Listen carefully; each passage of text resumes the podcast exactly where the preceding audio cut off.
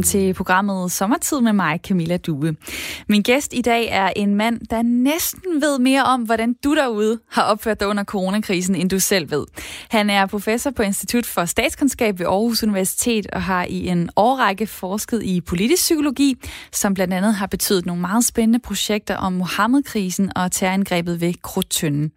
Lige i øjeblikket er han en af de ledende forskere bag projektet Hope, How Democracies Cope with COVID-19, som har fået 25 millioner af Carlsbergfondet til at kortlægge og undersøge danskernes adfærd under coronakrisen.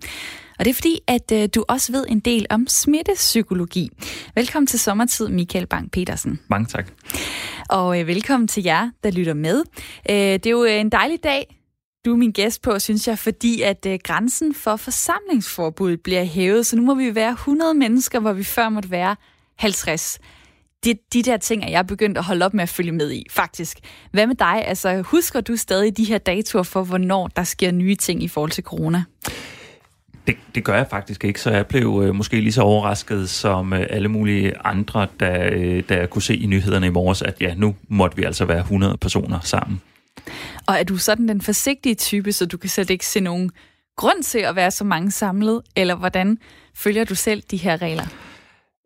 Jeg er nok lidt den forsigtige type i forhold til at, at huske at spritte af og, og ikke øh, kramme til højre og venstre, men, men man kan sige, vi er jo også der, hvor at vi, vi skal øh, åbne samfundet op, fordi der er en masse økonomiske omkostninger ved at have det lukket. Øh, og netop når smittetallene ser ud, som de, som de gør, at det er ikke særlig slemt lige nu, så, øh, så kan man næsten ikke forsvare at holde fuldstændig lukket mere. Og på den anden side kan man også sige, hvis man begynder at mødes 100 mennesker, og der så bare en, der er smittet, så går det godt nok stærkt, hvis der lige pludselig er 10, der er smittet, der, som så tager ud til alle deres øh, venner, kollegaer, familie osv. Og, og, og smitter videre. Er det ikke lidt farligt det her med, når vi begynder måske at, øh, at samles så mange mennesker, som vi jo ikke har været i rigtig mange måneder? Der er ikke der er ikke nogen tvivl om, at vi nu begynder at øh, være inde og røre ved nogle af de mekanismer, som rent faktisk kan skabe rigtig stor øh, spredning. Man har jo talt om de her superspredere, hvor der er få personer, der smitter rigtig, rigtig mange. Øh, og de superspredningseffekter øh, er der nu større mulighed for kan ligesom kan foregå, når vi er 100 personer sammen. Så det er også derfor, at selvom man er 100 personer sammen, så er det sådan set vigtigt at holde fast i det her med at ikke at gå rundt og kramme til højre og venstre. Husk at spritte hænder. Og lige nu, der står vi i hvert fald i øh, retmæssig afstand, og der er mellem der er over en meter, vil jeg sige, mellem os, og det er rigtig fint. Øh, jer derude, I, øh, I har tæt kontakt til os, forstået på den måde. I kan sende os en sms, hvis I har lyst. Stil øh, Michael Bang-Petersen et spørgsmål her i programmet Sommertid ved at skrive din sms ind til nummeret 1424. Du starter din besked med R4 så laver du et mellemrum, og så skriver du det, du har lyst til her ind til programmet Sommertid. Det kan være, at du har et øh, spørgsmål til det store forskningsprojekt, som øh, Michael laver lige nu. Det kan være, at du har en holdning eller erfaring med de ting, som vi snakker om, så vil jeg også rigtig gerne høre fra dig på sms'en. Lidt øh, ekstra information om min gæst, og han er oprindelig fra Kolding. Han er 40 år. Han bor i Aarhus med kone og tre børn. Det er tre øh, døtre, en datter på øh, 13 og to tvillingedøtre på 11. Så er der også en øh, kat, kanin, dværghamster i villaen. Og øh, nu også en hundevalp, og så kan du lige at sejle, løbe og meditere. Og som noget nyt, så spiller du bordrollespil. Hvad er det, du spiller? Jamen, øh, det er, det er sådan noget meget, meget nørdet øh, noget, øh, hvor man, øh, man sidder omkring et bord og, øh, og forestiller sig, at man er øh, helte ude på eventyr. Så det er, er det, der hedder Dungeons and Dragons, øh, som var stort i 80'erne, øh, og øh, som jeg også spillede dengang. Og hvem spiller du det med? Jamen, jeg spiller det sammen med en, en gruppe kollegaer op fra øh, universitetet, øh, som, som mødes øh, en gang hver 14. dag. Så er der nogen, der vil sige, at det er simpelthen øh, nørder med nørd på. Altså, føler I, at det er, når I sidder og spiller, eller altså, hvad er det for en stemning, der er? Jo, vi er nok alle sammen en smule, en smule nørdet, øh, så, så det, det, det tager vi på vores kappe og spiller videre, og det er bare helt i orden. Øh, Michael Bang-Petersen, jeg jo gerne vil tale med dig her i sommertid, fordi at du mere eller mindre ud af det blå fik et meget spændende treårigt projekt, hvor du følger danskerne her under coronakrisen. Øhm, senere så skal jeg høre lidt om, hvordan det millionprojekt egentlig lige havnede i skødet på dig. Men I har jo så observeret os alle sammen her de første måneder af corona med folk, der hamstrer i Føtex, med folk, der vil lege afstandspoliti, folk, der er ligeglade med retningslinjer og sidder på et tæppe og drikker øl tæt. Øh, hvad, hvad har egentlig været mest overraskende, synes du, indtil nu i forhold til den måde, vi har opført os på? Jamen, jeg, jeg synes, at det mest interessante i hvert fald, øh, og jeg ved ikke, om det er overraskende, men i hvert fald det mest interessante, det er, at vi rent faktisk har holdt fast i mange af de her øh, smitteforbyggende råd, selvom vi har åbnet op. Øh, jeg var i hvert fald bekymret for, at når vi åbnede op, så ville folk øh, bare øh, løbe ud på gader og stræder og ikke bekymre sig om, om deres håndhygiejne. Men vi kan faktisk se, at selvom vi har åbnet op, og selvom bekymringen for coronavirus er faldet ude af befolkningen, så er folk stadigvæk meget, meget opmærksomme på det her med at spritte hænder. Okay, og øh, det vender vi øh, tilbage til senere. Nu skal vi først lige kigge på dagens nyheder. Og der tager vi en historie med til hinanden fra øh, de nyheder, vi har kunne finde i dag. Og jeg synes, du skal begynde med at fortælle mig om, hvad du har lagt mærke til. Ja, en af de øh, historier, jeg synes er interessant, det er øh, en fra, øh, fra den internationale sektion, om man så må sige, omkring øh, Brasiliens præsident Bolsonaro, der øh, nu er blevet testet positiv for coronavirus. Og, og den er interessant af, af flere grunde. For det første så er det interessant, fordi øh, han har ligesom kørt en, en macho-stil i forhold til coronavirusen og sagt, at jamen det her det er bare en, en mild øh, influenza. Øhm, og så er der jo noget hybris øh, over, at han selv bliver, øh, bliver ramt. Og der er også noget, noget andet, jeg synes er interessant, ud over bare det her med, med hybrisen øh, i det. Og også det, det handler om, og det er måske mere sådan min statskundskabsforsker baggrund, der taler der, men det her med, hvad er det egentlig, de her helt personlige erfaringer, som vores politiske ledere gør sig? Hvad betyder det egentlig for den politik, som de fører? For det, at han selv, øh, det, at han selv får virusen, gør det rent faktisk en forskel. Der var lidt, der tyder på, at det gjorde det faktisk i England, da Boris Johnson selv blev smittet. Jeg var faktisk lige inde og slå op øh, for at se, øh, jeg kunne ikke lige nå at søge det frem nu, men hvornår det var, at han var i den her... Øh, ja, blev han smittet, eller nej, han var... Jo, øh, Boris Johnson. Han fik det, corona. Ja, og øh, endte øh, på intensiv. Det var den store tur, han fik. Hold da op. Og øh, når du så ser, at Bolsonaro, som mange i Danmark, kunne jeg forestille mig, synes er en stor klaphat, mm. øh, han, han får corona, øh, og øh, måske har taget lidt på, øh, på de forholdsregler, man kan tage osv. Altså, kan du så lade være med at sådan sidde og tænke, så kan han lære det? Nu, nu skal man jo ikke fryde sig over andres øh, ulykke, men, men øh, der er der en lille stemme inde i, øh, i mit sind, som, som lige præcis øh, siger, siger det. Men i virkeligheden, så kan det jo gå begge veje, fordi lad os nu sige, at, øh, at det her bliver et mildt forløb, så er der måske mere vand på hans mølle, hvor han kan sige, se hvad jeg sagde, det her det er bare en influenza, vi behøver ikke gøre noget. Så kan han kigge øh, mod øh, Boris Johnson og sige, man kan også øh, ende på, på intensiv, hvis det går helt galt. Min historie til dig, den kommer fra DR, som skriver, at det danske pas, det rødbedefarvede pas, som det bliver kaldt i medierne altid, det er det tredje mest magtfulde i Europa. Ikke lige når det kommer til, øh, til corona og flyruter, så er der jo lidt nogle øh, andre regler der, men, øh, men almindeligvis, så at gør det danske pas det ret nemt at rejse rundt i verden. Det er en opgørelse fra Henley Passport Index, som altså undersøger pas i verden, som viser, at det danske er på top 3 og pas i Europa på top 5 i hele verden. Hvordan oplever du egentlig det øh, som professor og forsker, når du rejser rundt?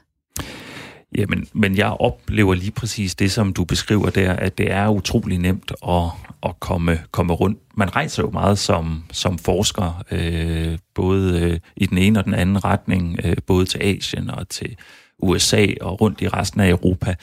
Øh, og, og jeg oplever i bund og grund aldrig øh, problemer.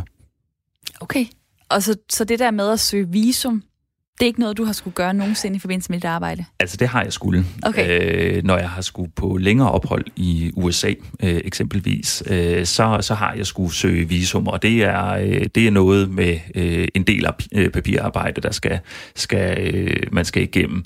Men, men det går jo. Det er ikke fordi, at, øh, at man ikke får lov at komme ind. Så længe man bare udfylder de der papirer, jamen så er øh, grænserne også øh, relativt åbne.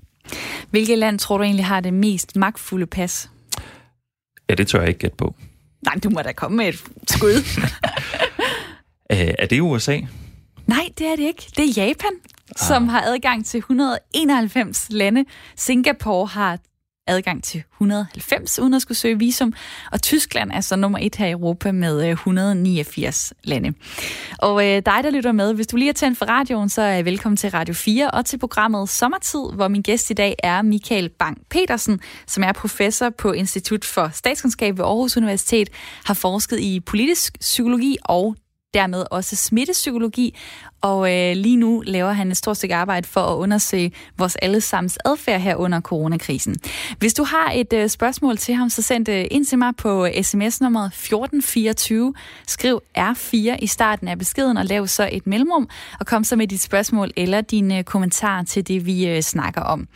Og øh, som jeg lige sagde, så leder du det her projekt, det kaldes HOPE, Øh, det er et projekt, som altså undersøger, hvordan vi opfører os under coronakrisen. Og øh, jeg har tænkt på, hvorfor det lige var dig, der fik den opgave. Jeg kender lidt af historien. Det begynder med, at du ser et af Mette Frederiksens pressemøder i starten af marts, hvor myndighederne anbefaler at lukke arrangementer med mere end 1000 deltagere. Og der siger Mette Frederiksen et eller andet, som får dig til at gå blandt andet på Twitter og i medierne osv. Vil du lige fortælle, hvad der, er, der sker? Jamen, det som hun siger, det er, at øh, nu skal I øh, huske at vaske jeres hænder. Øh, men hun fortæller ikke rigtigt, hvorfor øh, vi skal huske at vaske vores hænder. Det hun til gengæld siger, det er, nu må I ikke gå i panik. Og, og, og det er det, som ligesom trigger mig, fordi det tyder på, at der i bund og grund på det tidspunkt var en mistillid fra regeringen til befolkningens side og sige, vi kan ikke helt stole på, at befolkningen kan håndtere det her. Så det var det, jeg øh, faret i Twitter-blækhuset i forhold til, og sagde, jamen, man kan så, sådan set godt stole på befolkningen, når der er kriser. Okay, og hvorfor kan man det? Jamen det er fordi, det er det, øh, vores øh, forskning øh, viser, øh, og andres forskning også. Det er, at, at når der virkelig er en krise, så øh, holder befolkningen sådan set balancen, og det så vi selv her i Danmark i forbindelse med Mohammed-krisen, og vi så det i forbindelse med øh, terrorangrebet på, på Krudtønden, at, at folk var egentlig relativt rolige. Øh, de øh, begyndte ikke pludselig at hade muslimer, eller hvad det ellers kunne være. Øh, folk holdt balancen, og vi ved det også fra andre øh, katastrofer, naturkatastrofer, såsom vulkanudbrud, så er det det, der egentlig sker, det er, at folk udviser solidaritet med hinanden, når krisen krasser. Så folk er ikke en modspiller i en krise, det er en medspiller. Og derfor så er det ikke så fedt, når Mette Frederiksen går ud og siger, øh, ingen af os skal gå i panik, øh, men vi skal handle. Og så skriver du noget på Twitter, og lige pludselig så sidder du til et møde hos sundhedsministeren. Ja, det er jo øh, den måde, at, at øh, tingene pludselig udvikler sig øh, overraskende på, fordi der, der skal en masse medieskriverier omkring det, som som jeg skriver på Twitter om, at det er, er væsentligt at, at ændre den måde, man kommunikerer øh, på. Og, øh, og der bliver jeg så taget på ordet af sundhedsministeren og kaldt til, øh, til møde, og, øh, hvor at, at jeg så kan fremlægge det, jeg tænker. Øh, og det sker jo så den 11. marts, øh, den dag, øh, hvor vi øh, lukker ned. Og tænkte du på, om du sådan lidt øh, indgik i et øh, maskineri, som hedder, at regeringen også gerne vil være øh, populær. Altså, det kan godt være, at du hjælper regeringen, men øh, på en eller anden måde, så indgår du lige pludselig også i en politisk sammenhæng, hvor du sådan lidt rådgiver sundhedsministeren og statsministeren. Jamen, det, det er klart, at man skal tænke over, hvordan det er, man, øh, hvordan man bliver brugt i, i de her sammenhænge. Men, men omvendt så, øh, det der også var klart, det var, at vi øh, dengang stod i en øh, national krise, og hvis man ikke der som forsker stiller sin viden til rådighed, så ved jeg ikke, hvornår man øh, ellers skulle. Og hvordan havner de der penge, øh, 25 millioner, så lige pludselig øh, hos dig? Jamen det, der så sker, det er, at øh, jeg bliver øh, får et øh, telefonopkald fra øh, Carlsbergfondet, som siger, at øh, de vil gerne øh, understøtte forskning i forbindelse med coronakrisen, øh, og vil derfor gerne se en ansøgning fra os og øh, det, det, mig, og så det øh, hold, jeg kan øh, sammensætte. Øhm, og, og det går meget, meget stærkt, så på et, et døgn får vi skrevet en øh, ansøgning og, øh, og får pengene, og det er normalt noget, der jo tager halve eller hele øh, år.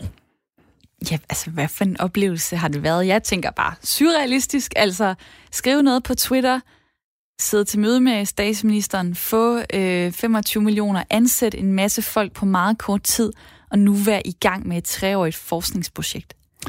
Jamen, det, det har været en meget, meget surrealistisk øh, periode, øh, og den der fornemmelse af, at, at, at ens øh, sådan eget arbejde accelererer, mens øh, samfundet ligesom går, går i stå, var en, en meget, meget mærkelig øh, oplevelse. Men det er jo også noget, som... Øh, det er jo, jeg, jeg føler jo også, at, at der bliver lagt et, øh, et øh, ansvar, øh, at man pludselig står med et ansvar for nogle, for nogle væsentlige ting, og, og så handler det om at, at håndtere det så godt som muligt.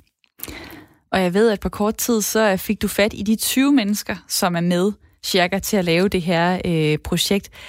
Hvordan startede I det op? Altså? Jamen, man kan sige, det vi var en, en kerne af, af folk, som, øh, som jeg har øh, kendt igennem øh, lang tid rundt omkring på de danske universiteter. Øh, så, så vi havde sådan set en, en, en, en gruppe, der var relativt øh, tæt sammentømret, eller som vi i hvert fald kendte hinanden, sådan vi relativt nemt kunne koordinere. Og så øh, havde vi møder hver dag øh, og, og så uddelegeret ansvaret for forskellige dele af projektet, øh, og ansatte så hver vores ligesom, klynge af forskere omkring os. Og det var jo sådan noget med netop at, at prøve at skrive rundt øh, til folk. Øh, er der nogen, der kender nogen, der står og mangler et job lige nu, fordi vi har brug for at ansætte nu? Øhm, og, og igen, normalt er det her nogle processer, der tager meget, meget lang tid, men netop fordi det for os handlede om at kunne gå ud i marken med det samme og indsamle en masse data, for at vi kunne forstå, hvad der foregår øh, i befolkningen under coronakrisen, jamen så var vi nødt til at handle så ufattelig hurtigt. Og jeg tænker, den der overskrift, sådan, danskernes adfærd under coronakrisen, jeg har nogle sådan idéer i hovedet om, hvad kunne det være, I kigger på, men jeg ved det jo faktisk ikke. Øh, så nu nævner du, at I skal ud og samle nogle data ind. Mm. Hvor konkret kan du blive i forhold til, hvad I sidder sådan hver især og laver? Vi kan nok ikke nå omkring alle 20 mennesker, men i hvert fald nogle af jer. Jamen, vi, øh, vi gør utrolig mange ting, øh, sådan set prøver at bruge alle samfundsvidenskabelige og humanistiske metoder, så vi gør både sådan noget totalt high-tech, hvor vi sidder og skraber, som man kalder det, hvad der foregår på Twitter. Vi sidder og øh, indsamler data fra mobiltelefoner om, hvordan folk bevæger sig rundt i samfundet. Vi indsamler masser af spørgeskema, undersøgelser. Vi har spurgt omkring 100.000 mennesker allerede omkring, øh, hvad tænker de om coronakrisen? Hvad gør de? Hvad skal de hen og holder de afstand? Og så videre. Og så har vi også brugt sådan nogle helt klassiske etnografiske metoder, hvor vi har haft folk ude i nogle grupper rundt omkring i landet og prøve at finde ud af, jamen, hvordan ser de på tingene? Så vi har haft folk ude på akutafdelingen på øh, Universitetshospitalet her i Aarhus. Vi har haft folk ude i et, et kollektiv, som har krammet i modstand øh, mod, øh, mod coronapolitikken osv. Og nu siger du det der med, hvad, hvad folk tænker under corona. Jeg ved du, kan du svare på det allerede? Altså, hvad er det for nogle spørgsmål, man kan stille for at få de svar i forhold til, hvordan opfattes den her mærkelige situation egentlig lige nu? Jamen, en af de ting, som vi har, har spurgt ind til, det er folk sådan egen forklaring på, hvad er det egentlig, der er gået for sig? Hvorfor kom denne her krise? Så, så vi spørger ligesom, jamen, hvor er det, hvor er det aben eller skylden skal placeres? Øh, og der, det, som danskerne først og fremmest peger på, det er, at corona virus er en ny virus, og derfor det, der egentlig har skabt krisen, det er, at vi mangler viden. Og hvis de så skal pege på, på nogen, der egentlig er ansvarlige, så peger de på to. Den ene er Kina. De siger, at Kina tog det ikke alvorligt nok. Og derudover så peger de sådan set på deres medborgere og siger, at hvis mine medborgere bare havde været lidt bedre til at spritte hænder, så havde vi nok klaret os nemmere igennem. Det er jo altid meget sympatisk, når man peger på andre end sig selv. Er det typisk, altså at øh, man vender lige øh, tommelfingeren nedad i for alle andre, og så når man peger på sig selv, så ej, jeg gør det da egentlig ret godt? Det, det er faktisk øh, meget typisk, og det er noget, vi, vi ved fra, øh, fra alt mulig forskning, øh, at, at langt flertallet mener, at de er bedre end gennemsnittet til at køre bil, eksempelvis. Og flertallet mener, at de er bedre end gennemsnittet, eller at de er mere intelligente end gennemsnittet. Og vi kan også se i vores data, at flertallet mener, at de er bedre end gennemsnittet til at holde afstand. Så den her forståelse af, at man selv er bedre end andre, den er meget udbredt og gælder også her. Men er det ikke et problem? Fordi altså, hvis man ikke kan kigge indad og rent faktisk være kritisk over for sin egen agering, ageren og den måde, man øh, opfører sig på under corona, jamen, så er man måske heller ikke ekstra opmærksom på, har jeg, holder jeg den afstand, jeg skal? Spritter jeg nu nok hænder? Altså, hvis man synes, man selv er en superhelt, så er det jo svært at pege på de fejl, man laver, hvor man faktisk kunne forbedre sig i forhold til corona. Er det ikke et problem?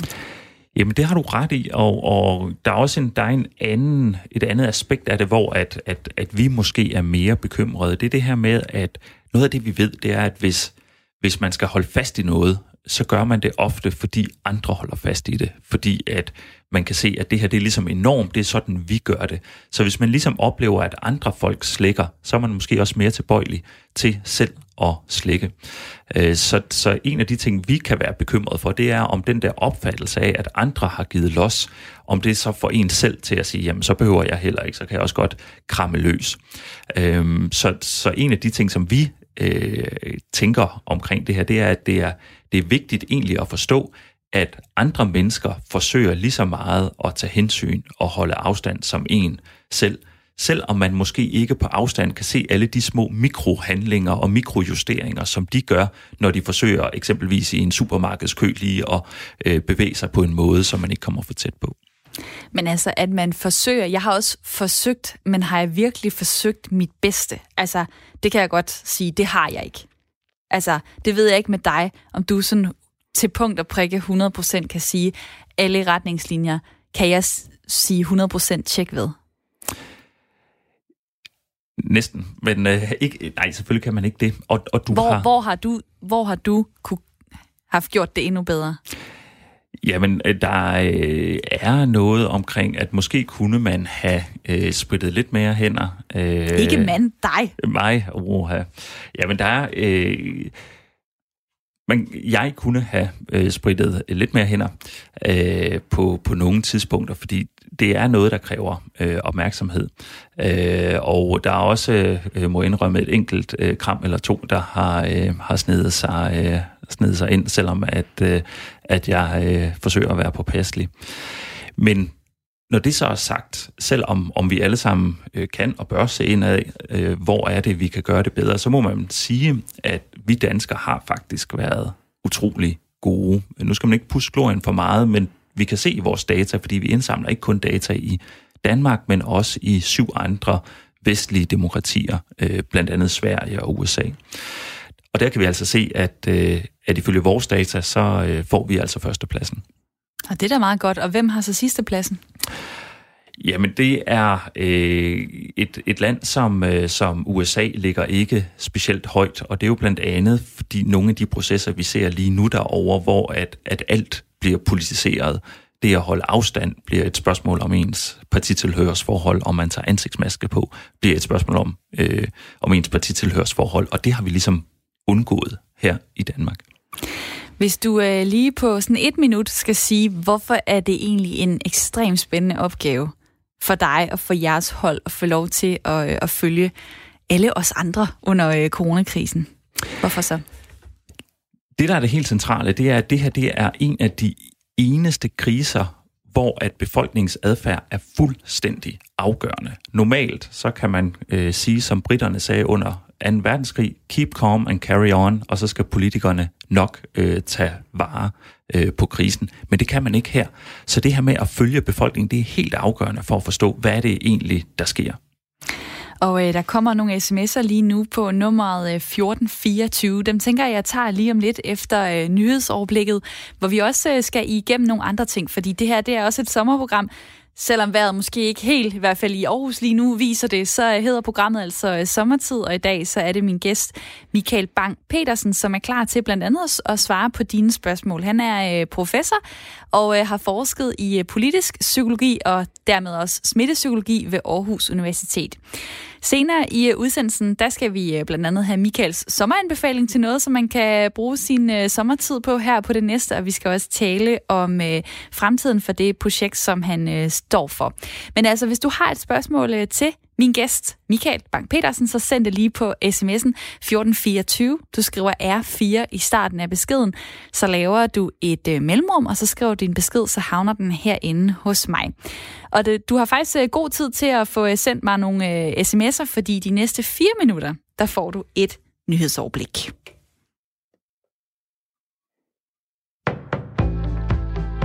Her er nyhederne på Radio 4.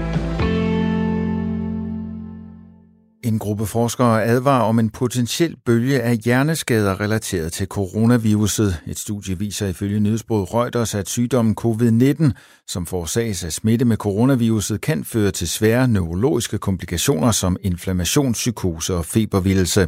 En række forskere fra University College London har skrevet om 43 coronapatienter, der har lidt af enten en midlertidig dysfunktion i hjernen, hjerneblødninger, nerveskader eller andre alvorlige påvirkninger af hjernen. Det er stadig uvist, om vi vil se en stor epidemi af hjerneskader forbundet med pandemien, siger en af forskerne bag studiet. Covid-19 er hovedsageligt en respiratorisk sygdom, der påvirker lungerne, men neurologer og læger med speciale i hjernen siger, at et stigende antal af beviser på sygdommens påvirkning af hjernen er bekymrende. Min bekymring går på, at vi har 100 millioner personer, der er smittet med coronavirus lige nu, siger Adrian Owen, der er neurolog ved Western University i Canada. Hvis vi om et års tid har 10 millioner raskmeldte personer, der har kognitive mangler, kommer det til at påvirke deres arbejde og hverdag, siger Owen. Der er brug for en reorganisering af ældreplejen med mere fast personale og færre vikarer og løst ansatte, det siger SF's ældreordfører Kirsten Norman Andersen på baggrund af sagen om omsorgssvigt på et aarhusiansk plejehjem. Jeg vil gerne være med til at øh, sløjfe nogle af, af de mange puljemidler, øh, som man har brugt til ældreområdet, og erstatte dem med fast personale i ældreplejen, så man kan få skabt noget mere kontinuitet og tættere samarbejde med både borgeren og med de pårørende. Skjulte optagelser fra plejehjemmet Kongsgården i Aarhus viser en række svigt over for en 90-årig kvinde på plejehjemmet. SF vil tage emnet op, når der skal forhandles om næste års finanslov. Der skal både tilføres flere penge øh, for at løse den øh, opgave, altså for at sikre faste teams, og så skal man også kigge på, om der var nogle af de øh, løse puljer, som man har afsat igennem tiden til øh, konsulenter og tilsyn og andet, som man måske i stedet for at kunne bruge mere hensigtsmæssigt ude hos den enkelte borger. Lyder det fra ældreoverfører Kirsten Norman Andersen. Kina har åbnet et nyt såkaldt nationalt sikkerhedskontor i Hongkong. Herfra skal kinesiske agenter for første gang operere åbent i Hongkong, som følger en ny og omstridt sikkerhedslov, det skriver nyhedsbruget AFP. Den nye base for det kinesiske sikkerhedsorgan i Hongkong er et hastigt omdannet hotel, der har udsigt til Victoria Park. Her har en række prodemokratiske protester fundet sted igennem tiden, blandt andet en årlig markering af det kinesiske militærs nedskydning af ubevæbnede prodemokratiske studerende på den himmelske fredsplads i Beijing i 1989. Politiet stod vagt om hotellet og havde sat en række vandfyldte barriere op rundt om bygningen. Et kinesisk flag blev hejst på en stang uden for det nye kontor, og Kinas nationalvåben blev sat på facaden. Regeringsleder i Hongkong, Carrie Lam, talte ved åbningen af kontoret. Dagens åbningsceremoni er et historisk øjeblik, fordi vi bevidner etableringen af et fornuftigt retligt system og en mekanisme, der kan håndhæve national sikkerhed i Hongkong, siger hun. Blot timer efter åbningen af Sikkerhedskontoret har myndigheder i Hongkong forbudt studerende på skoler at synge Glory to Hongkong, der er den uofficielle slagsang for den pro-demokratiske bevægelse i regionen. Sikkerhedsloven blev vedtaget sidste uge og er ifølge Kina rettet mod blandt andet separatistiske aktiviteter og terrorisme. Lidt er der nogen sol, mest i de nordøstlige egne, men også lokale byer. Dagtemperatur mellem 14 og 18 grader. Du lytter til Radio 4. Mit navn er Thomas Sand. Der er flere nyheder klokken 10.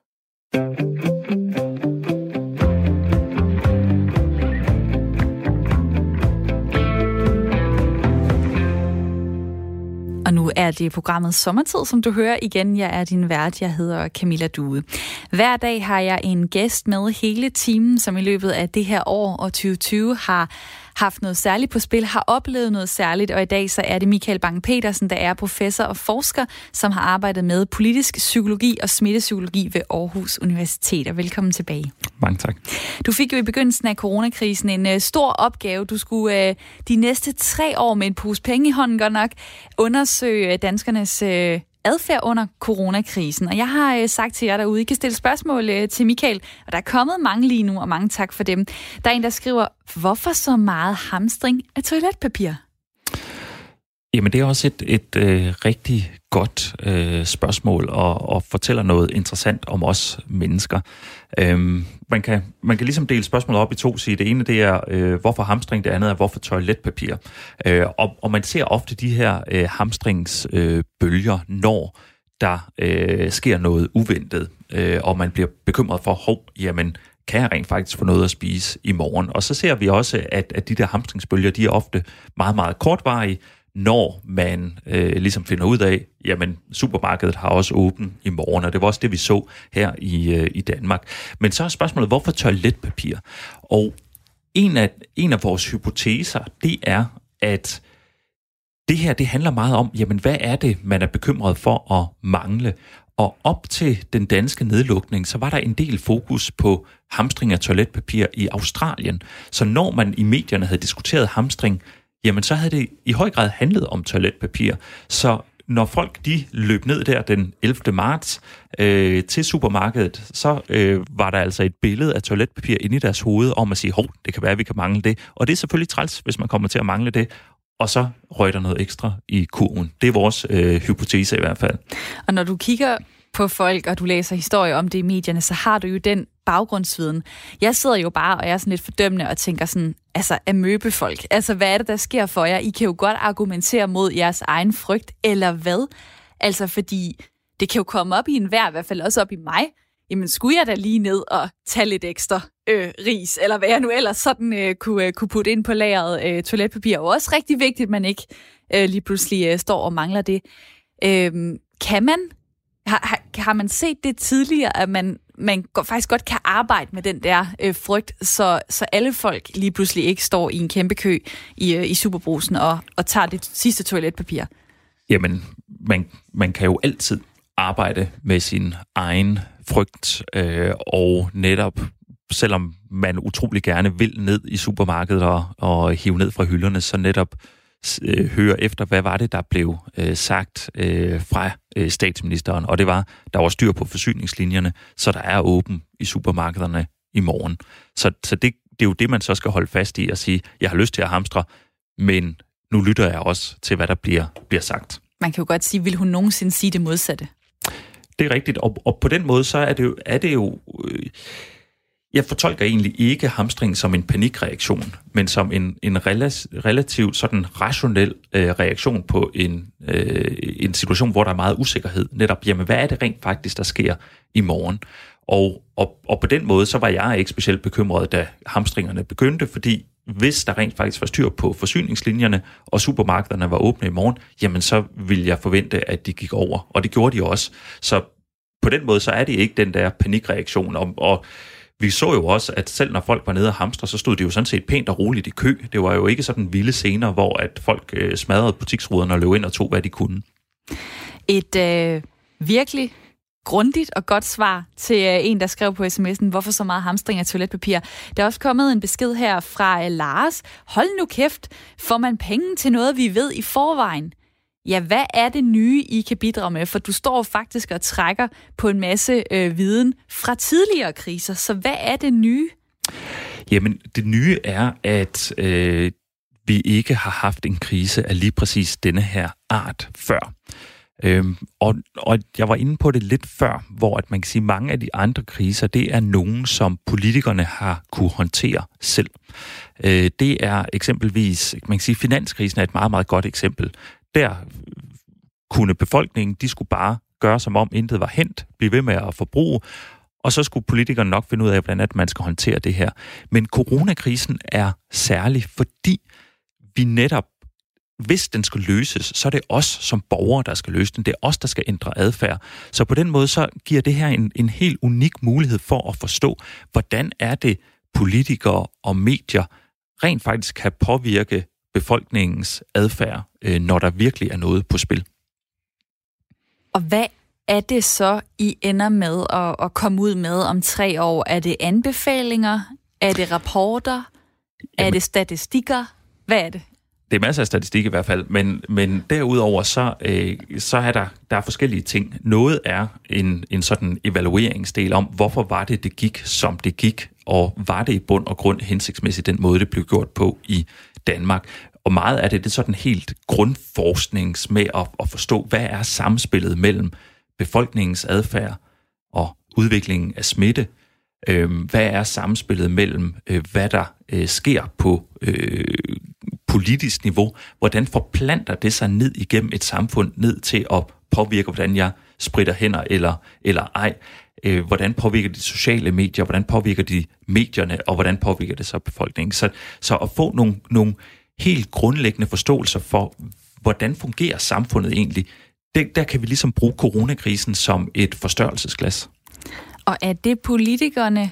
Er det øh, sundhedsfolk? Hvem er det, jeres viden så retter sig mod? Jamen, den retter sig øh, betydeligt bredere end det, fordi nogle af de spørgsmål, vi interesserer os for, er sådan helt grundvidenskabelige om at sige, jamen, hvad er et moderne demokrati egentlig for en størrelse? Hvordan er det, information flyder i et demokrati? Øhm, en, en af de ting, eksempelvis, hvis jeg sådan skal, skal øh, fortælle lidt mere om det, en af de ting, som vi er meget interesseret i, det er, jamen har vi med coronakrisen fået den første globale demokratiske offentlighed? Fordi det, der er ret interessant, det er, at alle, selvom vi danskere har været lidt bedre til at spritte hænder af end svenskerne eksempelvis, så kan vi se, at alle steder, vi kigger hen, så har befolkningen ændret adfærd. Og de har sådan set ændret adfærd, uanset om øh, regeringerne de har lavet hårde politikker eller bløde politikker. Så en af de ting, vi er interesseret i, det er at prøve at forstå, hvordan sociale medier måske har spredt en masse information på tværs af lande om, hvordan er det, man skal gebærde sig. Så at der måske er spredt to ting i denne her krise. Dels en virus er spredt sig globalt, men den anden er den her idé om social afstand og håndhygiejne. Og måske har de idéer sådan set spredt sig hurtigere end virusen, og derfor gjort, at mange landes befolkninger har ændret adfærd allerede inden virusen kom. Det er en af de sådan, øh, hypoteser, vi skal grave ned i. Og det har I så øh, tre år til. Det her, det er programmet Sommertid. Den kloge mand, du hører her, det er Michael Bang-Petersen, der har forsket i øh, politisk psykologi og smittepsykologi ved Aarhus Universitet. Der er kommet en sms til dig på nummeret 1424. Det er Nikolaj, der skriver sådan her. Når vi undersøger noget nyt, er det en sagens natur svært at være ekspert på forhånd. Nu hører vi eksempelvis, at covid-19 måske medfører neurale konsekvenser, hvilket ingen havde forudset. De rigtige svar er vigtige, men endnu vigtigere er det at stille de rigtige spørgsmål. Er I fænomen... fænomenologiske? Du står og nikker, du ved, hvad det er, i jeres tilgang, og i givet fald, hvordan sikrer I jer tilstrækkelig åbenhed og undren i jeres forskning? Sig lige, forklar mig lige, hvad det er fænomenol... Ja, jeg kan ikke engang finde ud af at udtale det. Det kan du, du måske. Fænomenologisk. Svært ord, men ikke for dig. Men hvad, vil du svare på det? Er I det i jeres tilgang? Hvad er det, og hvordan sikrer I tilstrækkelig åbenhed? Jamen, hvis, man, hvis vi nu tager, tager udgangspunkt i det, i det sidste, fordi det er et rigtig godt spørgsmål, øh, at... Og det betyder, skal jeg lige først vide, fenomenologisk. Ja, det er en, en bestemt måde at gå til, øh, gå til videnskab på. Som er? Som er, at man tager udgangspunkt i, i fænomenet og, og prøver ligesom at forstå, hvordan er det, vi kan forstå det her nye fænomen, som vi står overfor. Men man kan sige, at det der er det, det centrale i forhold til, hvad, hvad det er, vi har gjort for at, at håndtere den her usikkerhed, som der jo er, det er, øh, at vi øh, har taget udgangspunkt i at sammensætte et hold, som går på tværs af traditionelle faggrænser. Så øh, vi er øh, humanister, vi er samfundsvidenskabsfolk og vi er fysikere, der er gået sammen om at bruge hele denne her vifte af videnskabelige metoder. Så vi har forsøgt ligesom både at sprede os over faggrænser og øh, også på tværs af universitetsgrænser, for at være helt sikre på, at vi har alle perspektiver til stede i projektet, for at vi netop ikke har nogle, nogle blinde vinkler, som man godt kan have, hvis man bare øh, kun baserer sig på et enkelt fagtradition. Så vil du sige, at I er tilstrækkeligt åbne og undrende i jeres forskning, som Nikolaj spørger om? Jamen, det bliver man nødt til at, at være, og fordi ellers så, øh, så kan vi ikke forske i noget, noget nyt. Så det, det handler hele tiden om at netop prøve at se, jamen, hvad er det, der foregår øh, her og nu, øhm, og, øh, og så bruge de forskellige perspektiver, vi har. Og tak for de uh, sms'er, der kommer. Jeg prøver at nå uh, nogle af dem uh, senere, fordi det her det er også et sommerprogram. Uh, vi har lige talt om, hvordan dit forår ændrede sig. Uh, corona kom ind og uh, tog al din tid og dit arbejde. Og for de flestes vedkommende, så uh, kommer det jo også til at præge den måde, som vi holder sommerferie på.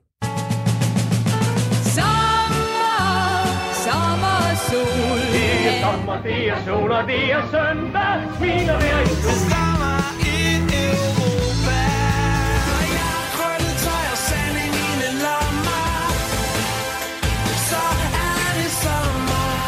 Det skal del ikke være kedeligt i sommerprogram. Derfor alle de her dejlige sange. Jeg vil gerne spørge dig, Michael Bang-Petersen, øh, hvordan skulle din sommer have set ud, hvis der ikke havde været corona? Jamen, øh, så skulle vi have pakket bilen og kørt til Tyskland. Egentlig så vi havde ikke øh, vi havde ikke planlagt de sådan helt store øh, ture rundt i verden sidste år. Der tog vi øh, en, øh, en rundrejse på Bali, så det havde vi ligesom sat tjek ved sidste år, så vi skulle tage det lidt mere med ro ned til Harzen og gå lidt rundt. Og det skal I så ikke nu. Hvorfor? Ja, man kunne jo sådan set godt tage til, øh, til Harzen, øh, men, men så er der sket det, at øh, vi som mange andre familier, så er vi blevet indehaver af en corona-hundevalp, om man så må sige. Øh, så nu, øh, nu tænker vi nu nok bedre at blive i, øh, i Danmark, og vi havde sådan set allerede relativt tidligt i krisen sagt, uanset hvad der sker, så bliver vi her i Danmark. Vi gider ikke forholde os til det her med, hvor er det, vi kan rejse hen, hvornår osv. Og hvem blev overtalt til, at I så skulle have den hund? Jamen, øh, efter øh, 15 års øh, forsøg på at overbevise mig fra min hustru, så, øh, så gav jeg mig øh, endelig og sagde, jamen det er nok en god idé. Hun rammer dig på øh, det mest øh, udspekulerede tidspunkt, hvor du står med et kæmpe projekt, du skal stå for, og hun er måske derhjemme, det ved jeg ikke, arbejder øh, hjemmefra eller et eller andet, og så får hun bare skovlen under dig. Er det en sød hund?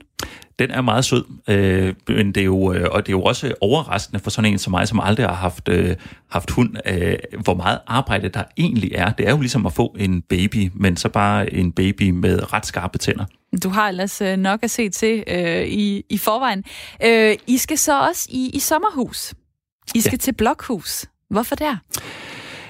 Jamen i, i virkeligheden så, øh, så handler det om, øh, hvor var det, vi kunne finde et, et sommerhus, fordi vi er jo ikke de eneste, der har fået den idé at skulle i øh, sommerhus, så det var noget med at, at google rundt på, øh, på diverse øh, sider, hvor man kan lege sommerhuse, og så, øh, og så se, hvor vi kunne passe ind hele familien øh, og hunden.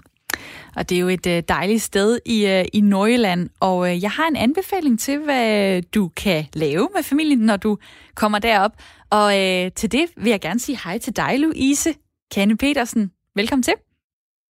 Tak for det. Hej med jer. Hej fra Skulpturparken Blokhus. I uh, har en dejlig park med mange flotte ting, og hver uh, sommer så afholder I også Blokhus Sandskulpturfestival. Hvad kan Michael og uh, familien og hunden opleve der? Ja, jeg skulle nemlig lige til at sige, at uh, først og fremmest så vil jeg jo sige tillykke med jeres nye hund. Og, øh, og den vil I jo kunne tage med i uh, Skulpturparken Blokus. Det, det anbefaler vi faktisk, og det er en oplevelse for hele familien, også de fire benede. Så er det også på plads. Og uh, sandskulpturer, ja. hvad er det for nogle slags, I har? Vi har øh, 10 øh, sandskulpturer, øh, der i år er skabt efter temaet eventyrlige filmfigurer. Øhm, og, øh, og hvad hedder det, der er der øh, smukke fortolkninger af blandt andet Aladdin og Alice i Eventyrland og Peter Pan og Tarzan og Tornerose. Vi har de her 10 helt vildt flotte, mega store sandskulpturer. Mega store, hvad vil det sige? Det vil sige, at øh, de største af dem er jo 5-6 meter høje, og øh, dem vi kalder de små, de er de her 4-5 meter høje. Så de er faktisk rigtig store og imponerende. Michael, har du øh, set sandskulptur før? Jeg har faktisk ikke set uh, sandskulpturer før, men jeg havde godt luret, at der var uh, den slags i, i Blokhus, uh, så, mm. uh, så vi, vi, vi kommer forbi uh, med, med hunden helt sikkert.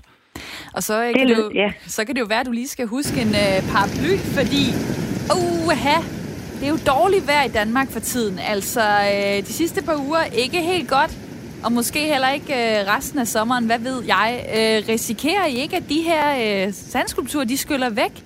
I alt den regn? Nej, det gør vi faktisk ikke. Dengang vi lavede den, vi åbnede 1. maj, og øh, i løbet af de første 15 dage, der fik vi skabt de her sandskulpturer, og der var vejret faktisk rigtig fint. Øh, og når så, så kom der en lille smule regn, og det gør egentlig bare, at sandskulpturerne, de sådan, det vi kalder, sætter sig. Øhm, så når ikke at der er de her kæmpestore regnskyld og øh, meget blæst, som der er lige nu, jamen så, øh, i starten, jamen så gør det, at sandskulpturerne faktisk holder hele sæsonen. Så vi er, vi er helt fortrøstningsfulde, også selvom at der skulle blæse en lille smule herude ved Vesterhavet. Og jeg ved, at I plejer at få folk fra udlandet til at komme og lave de her skulpturer. Eksperter i det, folk, der har gjort det til deres levevej, deres øh, profession. Øh, coronaen har ikke drillet jer, eller hvad, i forhold til at få sat det her op? Jo, det har den selvfølgelig. Altså normalt så får vi øh, de her sandskulptører ind fra hele verden, og der er nogle af de dygtigste i Holland og i Kanada og Italien og Spanien og USA. Øh, og i år måtte vi begrænse os til at tage de allerdygtigste øh, fra Holland herop. Øh, og der, øh, der kunne vi jo så øh, få dem herop, og så var de i karantæne, og så kunne de gå i gang med at øh, lave de her sandskulpturer. Så det lykkedes heldigvis. Vi fik øh, fem af de dygtigste herop, og øh, det betød så, at de lavede de første fem skulpturer, og så øh, hjalp de sådan set hinanden med at lave de sidste fem. Ellers så laver man normalt kun én sandskulptur hver. Det lyder som om, at øh, der er noget at se, Michael, for dig. Ja, bestemt. bestemt.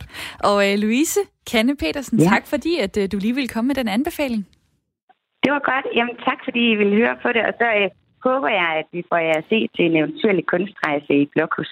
Ja, vi glæder os til det. Uha, en, øh, sådan en tagline, du lige kommer med der til sidst, øh, Louise fra øh, Skulpturparken i Blokhus. Og øh, andre gode anbefalinger til området, som du måske allerede har styr på, Forop Sommerland. I kan lave øh, lys hos øh, Blokhus Lys. I kan tage på ridetur hos Blokhus Ridecenter, hvis det nu måske er noget for dine døtre. Øh, og du skal jo også komme med et uh, tip til mig og til lytterne. Hvad vil du anbefale, at uh, vi giver os kast med i løbet af sommeren? Jamen, øh, jeg synes, at I alle sammen skal give jer i kast med noget, der er svært. Øhm, og tit så tænker man jo, at øh, sommerferie, så skal man, man slappe af. Og, øh, og at det så betyder, at man ikke skal gøre noget. Men i hvert fald for, for sådan en som, som øh, mig, som har et arbejde, hvor man skal bruge hovedet øh, rigtig meget, så er den bedste måde at slappe af, det er faktisk at gøre noget, der er svært, øh, og rette opmærksomheden mod noget, noget nyt. Og hvad skal du selv gøre, der er svært? Jamen, øh, jeg øh, forsøger at, øh, at opfylde en, øh, en barndomsdrøm, øh, og øh, så derfor så har jeg øh, købt et, øh, en stjernekikkert, og så øh, derude i, i Blokhus, hvor der er lidt mere mørkt end herinde i Aarhus, så skal jeg øh, ud og kigge på stjerner og se, om jeg kan finde ud af det. Ej, hvor spændende. Det er jo sådan lidt en professoragtig ting at sige, gør noget, der er svært. Altså, det, det er så lidt... Øh, jeg ved ikke, om det er højpandet, men det er i hvert fald øh, en lidt sjov form for anbefaling. Jeg tænker jo sådan, skal man anbefale en drink eller en bog eller et sted?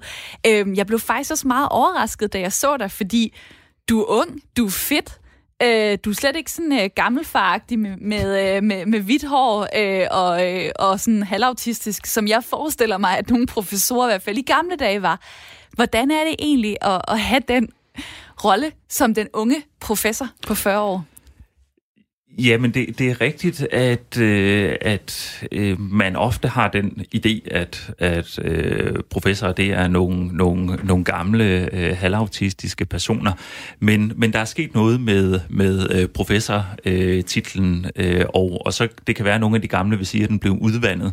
Øh, men, men i hvert fald så... Øh, så skal man ikke vente helt så lang tid på den øh, længere. Så man stadig kan se ung og frisk ud. Det var da meget øh, dejligt. Øhm, der er kommet nogle sms'er til dig på nummer 1424. Der er Jens, der skriver, burde Smittestop-appen blive krævet installeret, for man får adgang til forsamlinger? Det er et godt øh, spørgsmål. Øh, jeg, øh, man kan sige, det er jo i hvert fald noget, som, øh, som politikerne har sagt, at, at det kan man ikke gøre. Det her det er baseret på et, et frivilligt øh, system, og jeg tror også, det er ret vigtigt, at det er baseret på frivillighed, netop når vi har at gøre med en teknologi, hvor nogen kan være bekymrede omkring øh, ting som overvågning og privatliv og den slags. Der er en, der skriver, under 2. verdenskrig bad regeringen også befolkningen forholde sig roligt og passivt. Og så er der øh, Majbrit, øh, a.k.a. Salsita, som skriver til dig, vi er øh, salsa-dansere og vil gerne vide, om øh, det vil gøre en forskel, hvis vi danser med mundbind på. Nu er du ikke sådan nødvendigvis smitteekspert, men øh, jeg ved, at du, du har talt med folk, der har givet dig lidt viden i forhold til det her med, hvordan smitten spreder sig osv. Ja, og, øh, ja, og det er jo rigtigt, det her det er jo øh, ikke min, min sådan øh, kernefaglighed, hvordan virus rent faktisk øh, fungerer.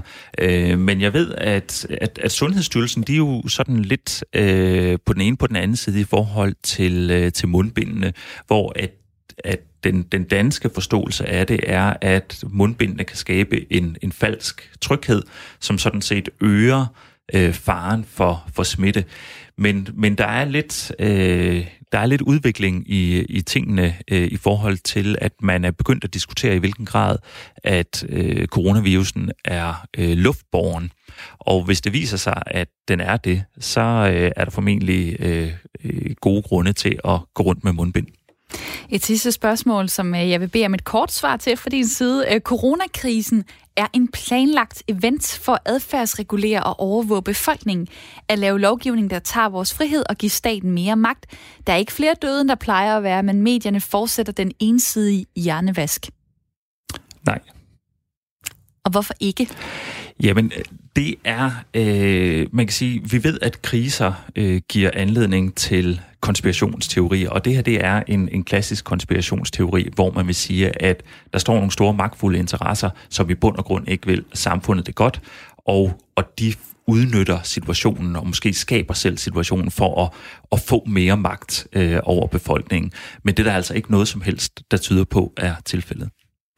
Der er også lige uh, kommet en uh, hilsen til dig på uh, sms'en fra Nikolaj, som skriver, at det er en fantastisk anbefaling, du er kommet med at gøre noget svært i løbet af sommerferien. Det har været en rigtig dejlig time sammen med dig, Michael Bang-Petersen. Tak for din tid. Ja, selv tak.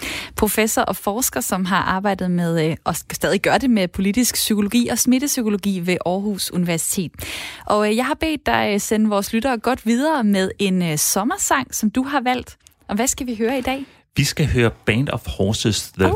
Funeral, og det er ikke, fordi den er så sommeragtig, men den, øh, jeg hørte Band of Horses første gang til en sommerfestival for nogle år tilbage, og det er noget, jeg savner rigtig, rigtig meget at kunne komme til festivaler og koncert.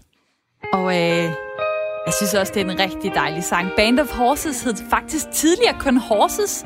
Det er et amerikansk indie-rock-band, dannet i Washington i 2004, og de udkom med deres første album i 2006, hvor den her single var på The Funeral.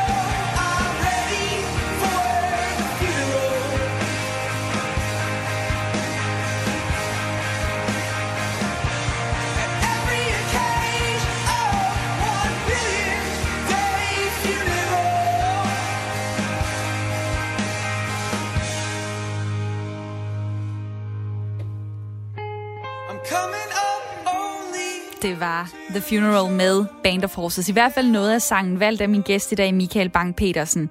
I morgen der taler jeg med Claus Meier, som øh, skal fortælle om, hvad krisetiden har gjort for hans virksomhed. Du kan høre sommertid i morgen fra klokken 9